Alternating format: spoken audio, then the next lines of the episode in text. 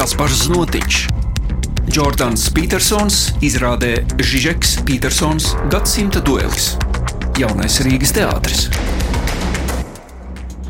Tas noteikti ir saistīts ar eh, pandēmijas laiku un kara laiku, ar tām sajūtām, kad uh, milst kaut kāds sācinājums un spriedze kopējā, un ka mēs arī meklējam kaut kādus ceļus, kā cilvēkiem um, šo iekšējo spriedzi izlādēt kaut nedaudz caur mūsu darbiem.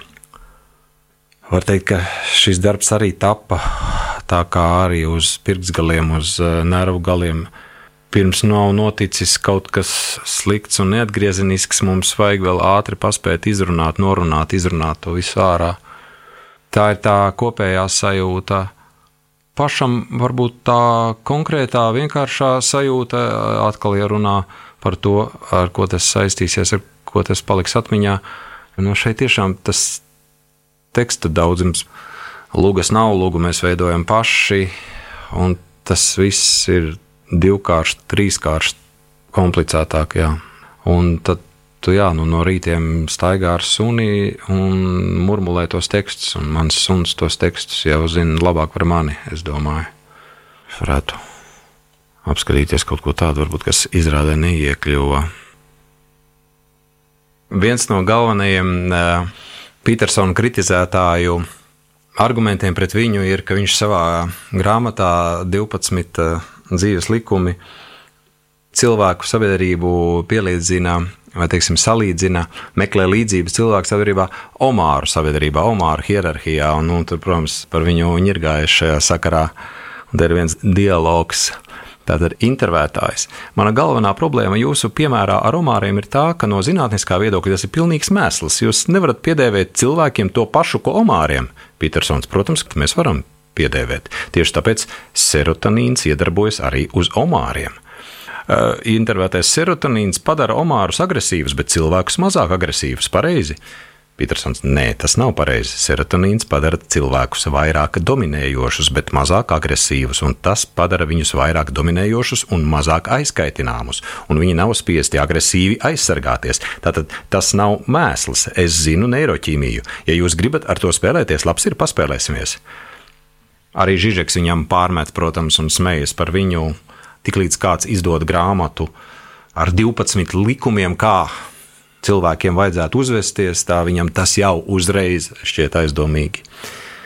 Bet, nu, Petersons jau tagad izdod nākamo grāmatu, vēl vienu 12 likumi. Nu, biznesmenis viņš, protams, arī ir labs. Tur tas uzstādījums uzreiz kļuva saprotams diezgan ātri, ka tas būs jautrais, negantais klauns un skumjais klauns, Piero un Arlekīns. Un, Un Petersons ar to savu spēju apraudāties noteikti pilda šo piero funkciju, baltā klauna funkciju iepratī sarkanajam klaunam. Tā jau ir tāda arhetipiska situācija, balstīta teātras tradīcijās un cilvēkiem viegli saprotama. Jā, to varēja saprast uzreiz, ka tas būs tā. Priecīgais pret bēdīgo, skumjais pret draisko. Jā. Tas arī kaut kādā ziņā ir Alvija rokraksts, kad viņš ķeras klāt vēsturiskiem personāžiem. To uzreiz noteikti var salīdzināt ar pieeju ziedoņa tēlam, ka ziedonis jau nebija imants ziedonis. Mm, mūsu izrādes ziedonis ir ziedonis bez imants. Tas bija jā, veidots arī no latviešu priekšstatiem par imantu ziedoni, šis izrādes tēls. Tāpat arī Petersons šeit tiek tiešām pozicionēts vairāk kā šis skumjais klauns un mm, izrādes beigas, kur viņi abi divi tādā kā kopīgā dziesmā vienojas Žižeks un Petersons. Tas ir eh, mūsu sadzīvots. Eh, Petersonam piedēvētie teksti, tas ir mans iztēles auglis tādā ziņā, jā, tas ir tāds konservatīvais cilvēks, kurš raudādams un skumīgs saka, ka viss būs labi, viss būs labi, tikai mums jābūt savāktiem un daudz jāstrādā, bet viss būs labi.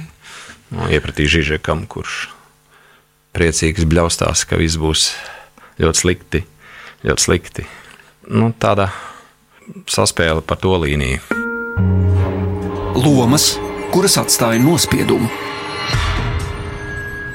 Nu, un tad uh, trešo varat pieminēt uh, jau tāda aizmirstā mazā zāles izrādīte, vara piņķa režijā, tāds tēls Džimmijs.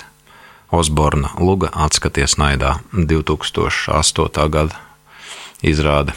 Nu jā, tā bija loma, kas manī atvēra un atvēra to pasauli, slikto zēnu pasauli. Jā.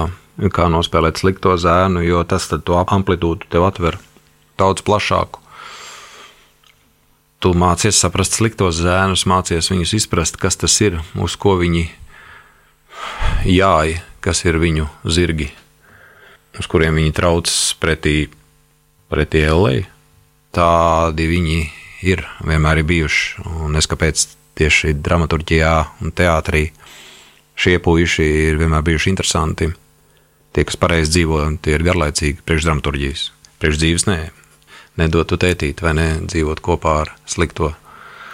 Labāk skatīties uz slikto no, no skatītāja rindām. Režisori, kuri atstāja iespaidu.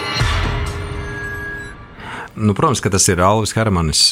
Tīri objektīvi paskatoties tajā manā lomu sarakstā un tās izrādes un tās lomas, kas ir cilvēkiem, publikai patikušas, tās izrādes, kas ir spēlētas simtiem, 200, pat 300 reižu, tas pārsvarā ir Alvi Hermaņa izrādes. Tur tas ir objektīvi. Jau 26 gadus viņa trupā. Viedoklis, kurā ieklausīties. Man kaut kāds tukšais periods, man nav tagad. Varbūt arī tāpēc, ka mēs esam pašpietiekami. Nu, mēs ar trupā diezgan viens ar otru pārspriežam un izrunājam, kas ir izdarīts, un, nu, lai tu neierūsētu, jā, un neiegrimtu kaut kādā pašamierinātībā. Nu, tādā ziņā tā spriedze mūsu starpā ir. Bet teātrī, jā, var teikt, diezgan noteikti tā ir eh, Baiva Broka un Guna Zariņa, kuras viedoklis ir tāds, nu, vismaz man, jā, ik pa laikam tur nākas ņemt vērā to, ko viņi saka. Par Jordanu Petersonu es atceros, man Māra Čimela uzaicināja gandrīz vai nākamajā dienā uz brokastīm Osirisā, lai aprunātos par šo lomu. Jā. Tas man likās tāds interesanti. Jā, ar Māri Čimelu, protams, ir noiets ceļa etaps kopā ļoti svarīgs. Un Māra ar savu Maskavas skolu, nu, vesels laikmets, vesela tāda domāšanas zona, kā vispār domāt par teātri, kā to analizēt un skatīties uz lomām, uz teātri. Jā, to visu māra sevī nes, un tad, ja nu ir iespēja ar viņu aprunāties par to, kas ir izdarīts, tad, o jā, tur, protams, arī var visu ko dzirdēt. Nu, nevienmēr glaimojoši, jā, protams kas svarīgi. Kritiķis, kurš visu pasaka? Man Žižeka un Petersona gribētu salīdzināt ar beigļiem. Respektīvi, tad, kad mēs domājam par beigļiem, tad mēs sakām, ka mums patīk visi beigļi vienādi. Bet, protams, katram dziļi sirdī ir savs beiglis. Mans beiglis, piemēram, ir skumjais beiglis, Džordžs Harisons. Jā, šis te Petersons un Žižeks, eh, Kaspars Notiņš un Vils Daudziņš. Izrādes kontekstā, protams, ir neatdalāmas vērtības. Viņi kā iņu un ņaņi papildina viens otru un veido šo kopējo cīņu, kopējo šo pretstatu sistēmu, uz kuru izrāde ir būvēta. Bet man šķiet, ka Kaspars Notiņa uzdevums izrādē ir sarežģītāks. Tādā ziņā, ka viņa tēls nav ārēji formas ziņā tik interesants varbūt. Viņš ir uzbūvējis ārkārtīgi precīzu kopiju, tātad šo dzīves vēsturiskas personas, mūsdienu personības atveidu.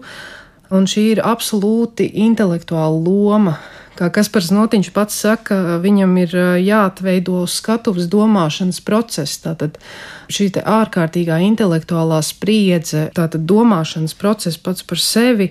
Tas ir tiešām ļoti fascinējoši, kā viņš šo lomu ir uzbūvējis, liekot noticēt tam, ka viņš tiešām ir Jordans Petersons. Tātad mēs tiešām skatāmies uz aktieri, kurš ir absolūti saplūdis ar savu varoni Un šīs izrādes kontekstā ļoti interesanti ir tas, ka gan Vils Daudziņš, gan Kaspars Notiņš ir arī izrādes autori. Un šeit mēs tiešām varam runāt par to, ka viņi paši ir šos tēlus uzbūvējuši, varētu teikt, no nulles.